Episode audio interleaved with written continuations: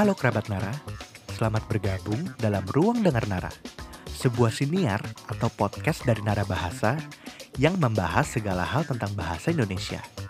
Sekadar informasi, kata siniar yang merupakan padanan dari podcast dibentuk dari kata dasar siar dengan diberi sisipan in. Pada episode siniar yang ke-8 ini, kerabat Nara akan mendengarkan edukasi kebahasaan tentang apa perbedaan sepakat dan setuju. Selamat mendengarkan.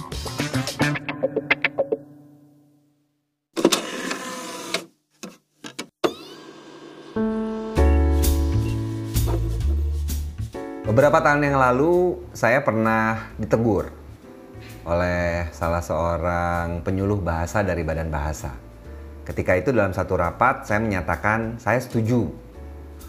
Kata orang tersebut, jangan pakai setuju karena kan Anda bukan atasan. Yang disarankan adalah menggunakan kata sepakat.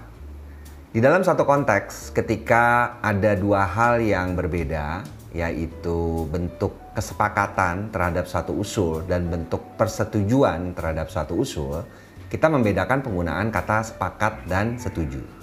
Kalau kita buka KBBI memang ditunjukkan sepakat itu merupakan sinonim dari setuju. Tapi dalam hal ini kita memperhatikan konteks.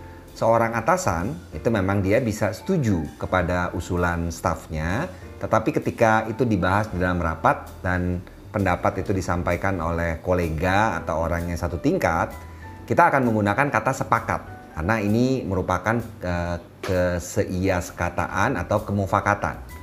Jadi setuju digunakan untuk persetujuan, sepakat kita gunakan untuk kesepakatan. Mana yang bakal paling sering teman-teman gunakan di grup WA? Paling sering biasanya sepakat karena kita kan uh, tidak terlalu banyak menyetujui hal melalui WA biasanya.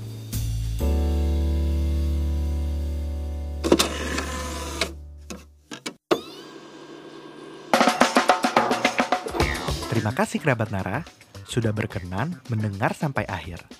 Jika kerabat Nara tertarik dengan hal-hal mengenai kebahasaan, kerabat Nara bisa membaca artikel-artikel Nara yang terbit secara rutin pada situs narabahasa.id.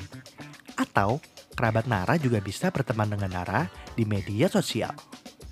Temui Nara dengan nama pengguna Nara Bahasa ya. Sampai jumpa pada ruang dengar Nara episode selanjutnya. Pesan tim Nara masih sama. Kuasai bahasa, kuasai dunia.